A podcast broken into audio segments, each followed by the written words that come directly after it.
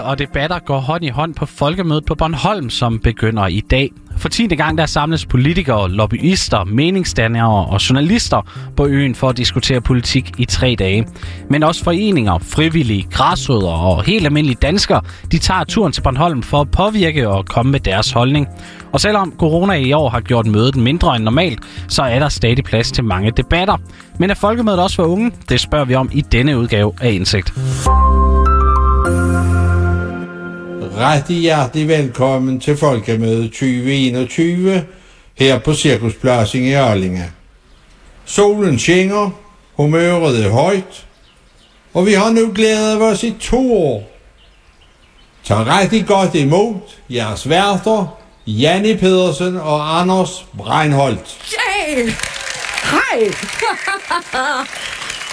Sådan lød det, da årets folkemøde det blev skudt i gang på havnen i Allinge på, Køb- på Bornholm i formiddag. Årets folkemøde det er det 10. i række siden det første i 2011, men det er altså lidt anderledes i år på grund af den der virus, som også var med til at afløse sidste års folkemøde. Det vil sige, at der kommer færre mennesker end normalt i år, det fortæller Camilla Laudrup. Hun er direktør i foreningen Folkemødet. Der er booket omkring øh, 13.000 billetter over tre dage, og i normale folkemødeår, hvor det ikke er coronatilpasset, jamen der kommer man op på øh, meget større tal omkring øh, jamen 65.000 øh, mennesker øh, har, der, har der været igennem. Så det er jo selvfølgelig virkelig anderledes.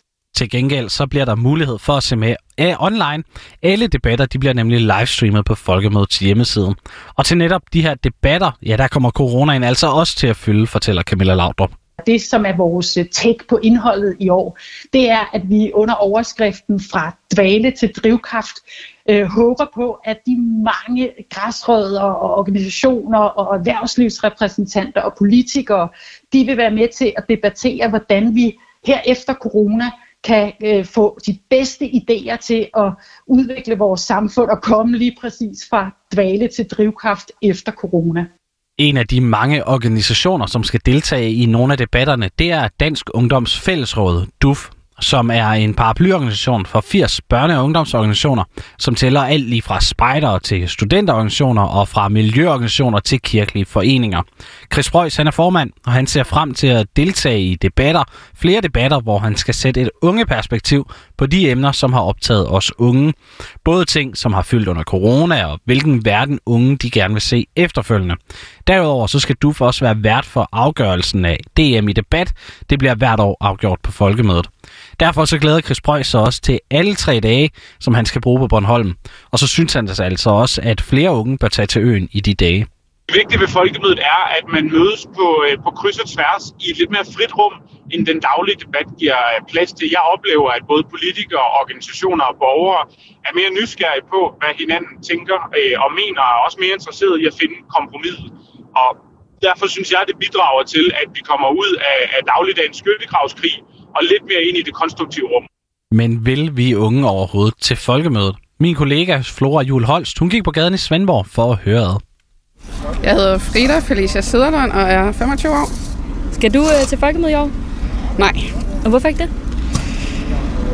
Jamen, i år er der bare meget andet, men jeg kunne godt tænke mig, jeg har tænkt på de sidste par år, så nej, nu skal jeg være året, jeg tager på folkemøde. Nu skal være året. Øhm, måske næste år. Jeg kunne i hvert fald godt tænke mig at prøve at tage til det på et tidspunkt. Og hvorfor det? Øhm, jeg synes, det virker spændende. Jeg synes, det er nogle vigtige mennesker, der er der. Det, kunne være, det virker sjovt at være en del af. Skal du til folkemøde i år? Øh, det var ikke planen. Øh, hvis, men hvis der er mulighed for det, og jeg, jeg får mulighed for det, så kunne jeg da godt finde på det. Og hvorfor vil du gerne på folkemødet en gang? Jamen, jeg vil gerne øh, prøve at se og opleve hele opsætningen og sammensætningen af, hvordan det er, at der er så mange politikere samlet på et sted, og hele den stemning, der er med folk rundt omkring fra i landet. Og øh, der er jo faktisk også en online version i år, som man kan hoppe ind på, hvis man vil. Øh, kunne du forestille dig at være med til det? Mm, ja, ja, måske, men igen, jeg synes, der har fungeret alt for meget på online her det seneste stykke tid, så hvis jeg skulle til det, så skulle det være fysisk.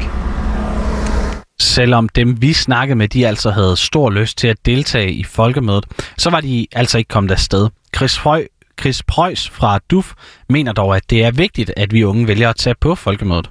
Jeg synes, at det er et stærkt signal, at uanset hvem unge går hen til og øh, snakker med, om det er øh, statsministeren, minister, folketingsmedlemmer eller helt almindelige andre mennesker eller folk fra organisationerne, så oplever jeg altid, at der er en enorm lyst til at høre, hvad ungdommen har på hjertet. Og vi ved, at unges politiske selvtillid er lav, fordi de ikke tror på, at andre har lyst til at høre deres holdning.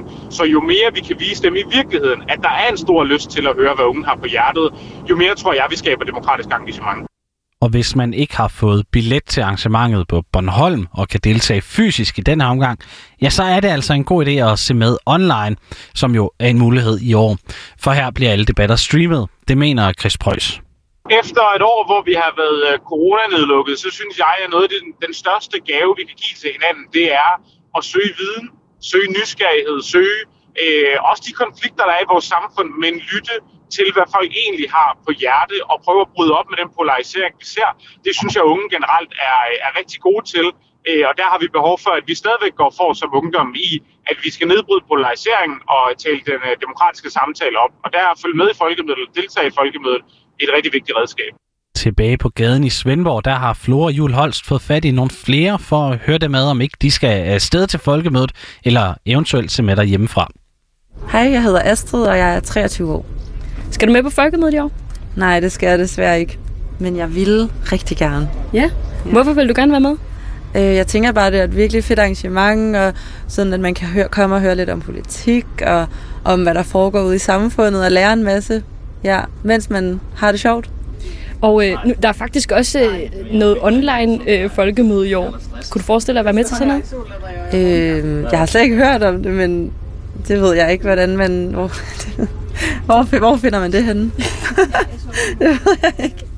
Det er, sådan, det er bare på nettet. Så hører man nogle af de talks, der ellers skulle have været på folkemødet på nettet. Ikke? Ja. Kunne du forestille dig det, når det så er uden telt og uden øl? Øh, nej, der tror jeg ikke, at jeg vil synes, det var det samme. Jeg tænker, at man hellere vil være ude og nyde solen, så ja, man er lidt træt af online arrangementer. Skal du på folkemødet i år? Det skal jeg ikke, nej. Det skal jeg ikke. Hvorfor skal du ikke det?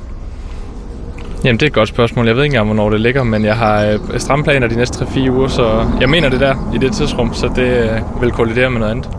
Har du været på det før? Nej, det har jeg ikke. Kunne du tænke dig at være det? Ja, men så skulle det kræve rigtig meget tid i kalenderen. Det er ikke noget, jeg vil prioritere særlig højt, tror jeg. Hvad var det så ved det, som ville gøre, at du har lyst til at tage afsted? Nå, men jeg synes, I er med, at politik er meget spændende, og det er jo, det er jo et, et mekka for, for det. Så det kunne da være interessant nok at komme over og høre folk og diskutere med folk. Og netop det her med, at det er svært at finde tid i kalenderen til at komme på folkemødet, det er også noget, Camilla Laudrup oplever. Folkemødet det bliver nemlig hvert år holdt her midt i juni i uge 24, og det giver altså nogle problemer for især unge. Altså, der er en helt konkret udfordring, som ligger i, at, øh, at øh, for rigtig mange unge, så er det jo eksamenstid lige nu. Så vi har faktisk en udfordring lige præcis i den her uge 24, som er sådan folkemødeugen og har, og har været det i 10 år. Men selvom man har det svært med datoen, og en af fordommene om folkemødet, det er, at det kun er politikere og journalister, der er med, så fortæller Camilla Laudrup altså, at cirka 3 ud af 4 deltagere, det er normalt af foreninger, frivillige og borgere, som er nysgerrige på at diskutere politik. Og os unge, ja, vi er faktisk også en rigtig vigtig gruppe for folkemødet det vægter super meget øh, for os. Det, det er øh, en øh, stor prioritet, og vi forsøger at gøre så meget vi kan øh, i forhold til at kunne øh, gøre folkemødet øh, øh, hvad skal man sige, relevant for, øh, for, øh, for, for unge mennesker også. For at sikre, at unge også kan deltage på folkemødet, ja, så har man også lavet en ungecamp midt i Allinge. Her der kan unge sove gratis i telt, helt tæt på alle debatterne. Og det er Chris Preuss fra DUF også glad for. Han så dog gerne, at den her camp den blev udvidet. Der er plads til et par hundrede unge, alt efter øh, hvor tæt de slår, øh, slår teltene op, øh, og hvor mange man sover i, i hvert telt. Øh, og, og jeg tror sagtens, at vi kunne fordoble antallet af unge, øh, hvis, øh, hvis der var mulighed for det. Men vi ved også godt, at pladsen er øh, trængt derovre, øh, og der skal jo være, være plads til alle. Folkemødet det fortsætter frem til lørdag, men så lang tid har vi ikke i denne udgave af Indsigt, som er slut her. Den var lavet af Jonas Emil Jacobsen, Flora Jul Holst og mig. Mit navn det er Tobias Hegård. Tak fordi du lyttede med.